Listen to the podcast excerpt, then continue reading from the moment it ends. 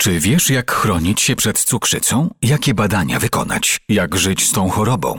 Na te i inne pytania odpowie doktor nauk medycznych Marcin Kosiński, diabetolog z Kliniki Diabetologii Uniwersytetu Medycznego w Łodzi. Na odcinek podcastu z cyklu Ogarnij cukrzycę zaprasza dystrybutor glukometru Check Instant. Jaka jest profilaktyka cukrzycy typu pierwszego? No, profilaktyka cukrzycy typu pierwszego jest y, dość trudnym tematem, dlatego że było podjęte wiele prób, czy można by zapobiec rozwojowi cukrzycy typu pierwszego. Problemy są dwa główne. Po pierwsze, pierwszym problemem jest zadanie sobie pytania, kogo mamy poddać e, takiej profilaktyce, dlatego że ciężko jest zidentyfikować osoby, które będą szczególnie narażone na, ro, na rozwój cukrzycy typu pierwszego. Nawet jeśli przyjmiemy, że rodzeństwo takiego pacjenta, czy rodzice chorują na cukrzycę, tutaj stuprocentowej pewności, że, że e, do tej choroby dojdzie, nie mamy.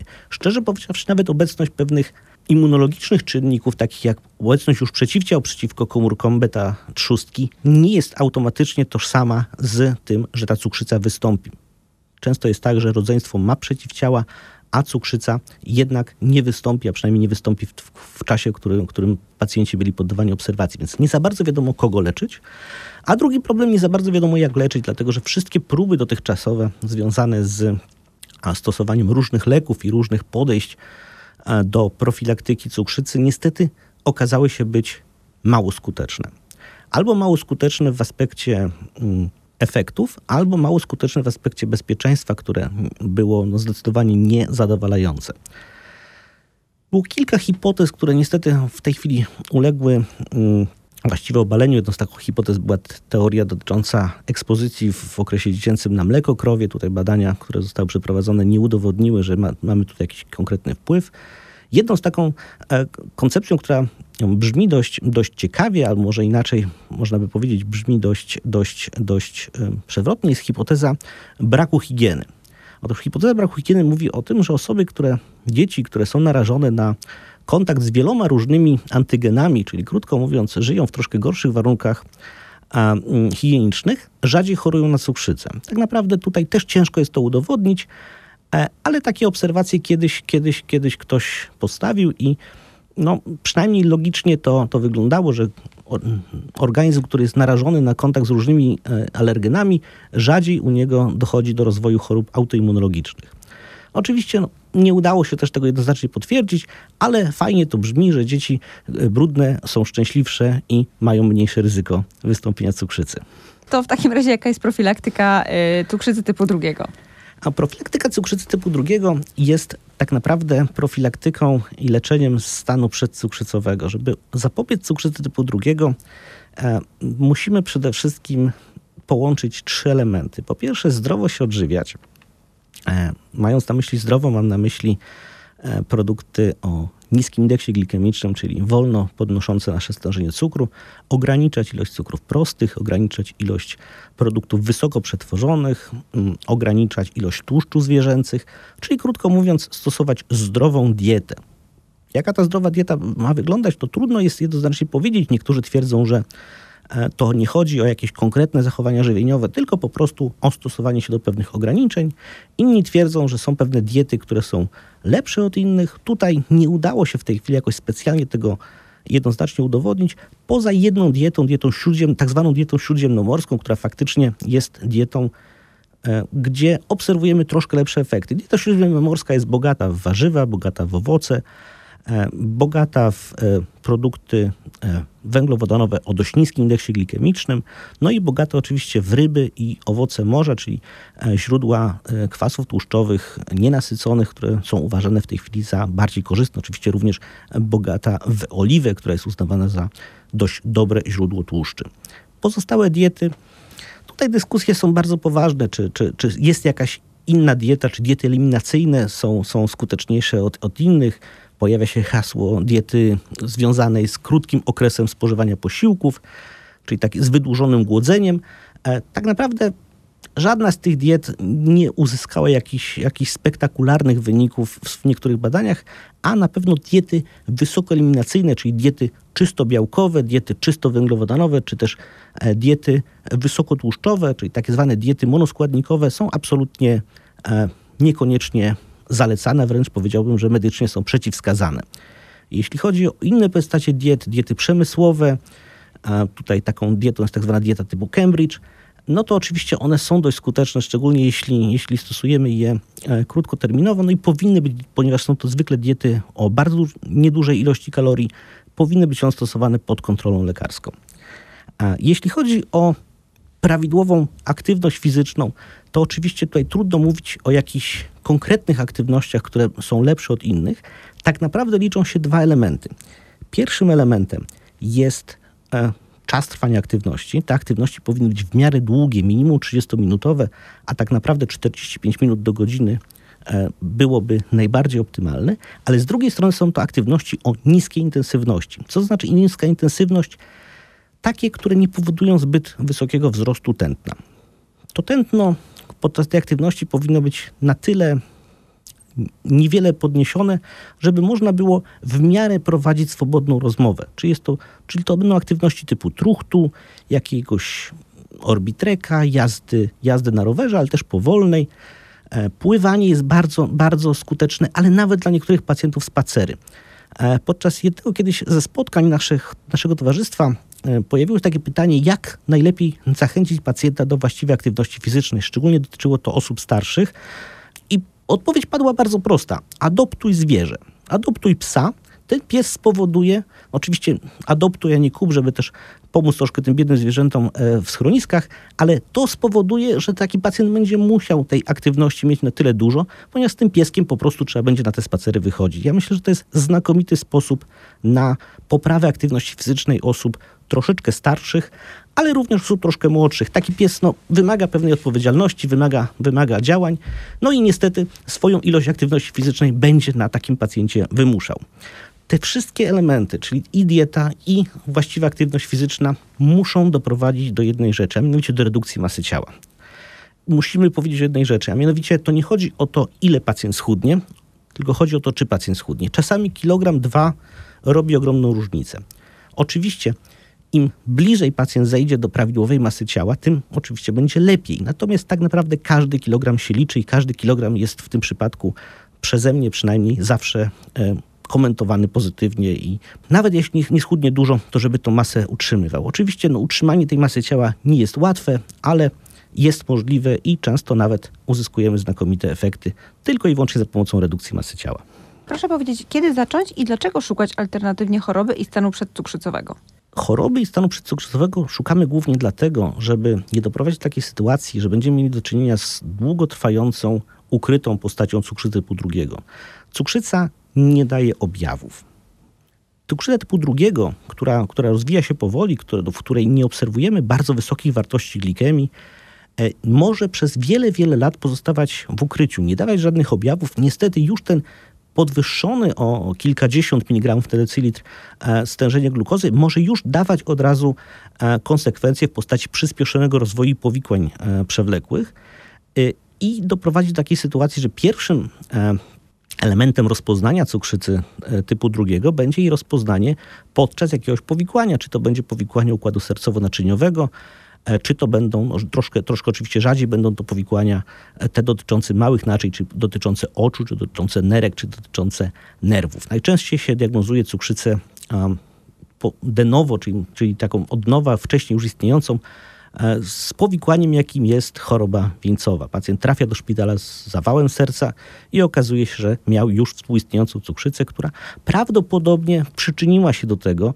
żeby ten zawał się pojawił. Dlatego musimy szukać aktywnie choroby. 50% pacjentów, tak jak mówiłem, nie ma żadnych objawów, dlatego musimy ich poszukiwać. U kogo poszukiwać? No tak naprawdę każda osoba powyżej 45 roku życia raz na 3 lata powinna mieć wykonany taki przegląd czynników ryzyka i wykonane oznaczenie glukozy, czy wręcz oznaczenie, wykonanie tej krzywej cukrowej, czyli tego testu do, ustnego, do ustnej tolerancji glukozy. Natomiast jeśli mamy pacjenta z grupy ryzyka, to niezależnie od wieku, te testy powinny być wykonywane przynajmniej raz do roku. Jacy to będą pacjenci? No przede wszystkim pacjenci, którzy mają dodatni wywiad rodzinny. E, pacjenci, którzy pochodzą z grupy etnicznej bądź, bądź e, środowiskowej o podwyższonym ryzyka, ryzyku cukrzycy, osoby z nadwagą, osoby z otyłością, osoby, które generalnie mają siedzący tryb życia, osoby, które wcześniej miały już rozpoznany stan przedcukrzycowy, osoby, które mają inne elementy zespołu metabolicznego, czyli nadciśnienie tętnicze, czyli nieprawidłowe e, parametry lipidowe, kobiety, które przebyły cukrzycę ciążową albo urodziły dziecko powyżej 4 kg, również są w tej grupie zwiększonego ryzyka i to, to ryzyko faktycznie jest dużo większe nawet w, niż w innych, e, w, przy innych czynnikach ryzyka. No i oczywiście osoby, które mają rozpoznane już choroby układu sercowo-naczyniowego. Wszystkie te osoby powinny mieć takie testy wykonywane raz do roku. Jakie są metody leczenia cukrzycy i czy jest ona w 100% wyleczalna? Jeśli chodzi o wyleczalność, może od tego, od, od, od, od tego zacznę odpowiedzieć na pytanie. Niestety no w tej chwili uważamy, że cukrzycy jako takiej wyleczyć się nie da, niezależnie od typu. Niektóre typy, typu typ pierwszy na przykład, są generalnie nieuleczalne i pozostaną z pacjentem, przynajmniej zgodnie z naszą wiedzą, e, do końca życia. Może wymyślimy jakieś nowsze metody terapii, które, które będą wspomagały pacjentów w tym leczeniu, takie metody już się pojawiają. Na przykład takimi metodami są osobiste pompy insulinowe z tak zwanym, z tak zwanym systemem e, zamkniętej czy półzamkniętej e, pętli zwrotnej, które samodzielnie e, modyfikują troszkę dawkę insuliny w zależności od stężenia glukozy u pacjenta. Natomiast generalnie cukrzyca jako taka pozostanie. To będzie forma takiej protezy tak naprawdę pacjenta trzustki. Jeśli chodzi o cukrzycę typu drugiego, Tutaj mamy troszeczkę lepszą sytuację, ale też trudno jest mówić o całkowitym wyleczeniu. My mówimy o remisji cukrzycy, czyli o wycofaniu się objawów cukrzycy, wycofaniu się cech cukrzycy. Natomiast te powikłania, te, te mm, metaboliczne, to metaboliczne podłoże, które było przyczyną pojawienia się objawów cukrzycy, oczywiście pozostaje. Zaburzenia wydzielania insuliny w mniejszej bądź większej części pozostaną insulinoporność możemy zmniejszyć w znacznym stopniu, ale ona też będzie troszkę większa niż, niż u osoby w pełni zdrowej, to też trudno mówić o całkowitym stuprocentowym wyleczeniu.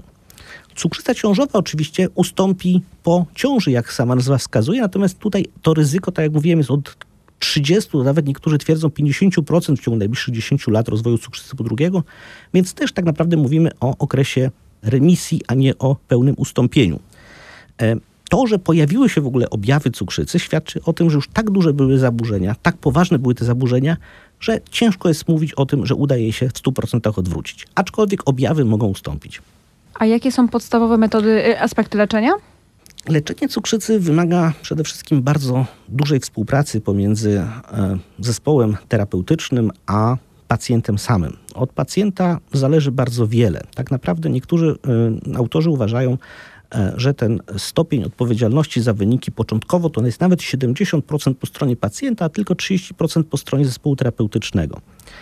E, tak naprawdę wiele osób musi mm, uczestniczyć w procesie, procesie terapeutycznym. To nie tylko jest lekarz, diabetolog, to nie tylko jest lekarz pierwszego kontaktu, czy lekarze innych specjalności, ale to także edukatorzy diabetologiczni, to także pielęgniarki diabetologiczne, to także dietetycy, no i oczywiście w przypadku powikłań lekarze innych specjalności, czyli okuliści, nefrolodzy, chirurdzy, ortopedzi, którzy leczą te powikłania.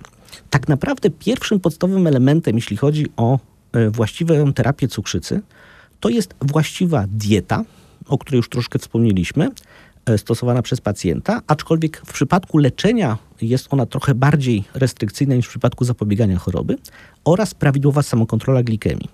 Samokontrola glikemii jest niczym innym jak tylko mierzeniem przez pacjenta w odpowiedniej częstości i odpowiedni, odpowiednich porach mierzenia przez pacjenta własnego stężenia cukru za pomocą urządzenia zwanego glukometrem. Pacjent nakłuwa sobie opuszkę palca, uzyskując krople krwi, nakłada na glukometr.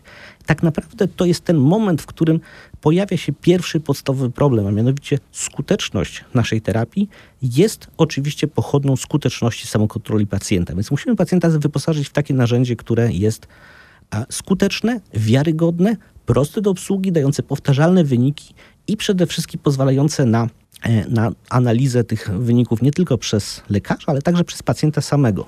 Glukometry tak naprawdę zrobiły tutaj ogromny postęp, stały się coraz dokładniejsze, coraz lepsze, mają coraz więcej pamięci, są coraz bardziej atrakcyjne.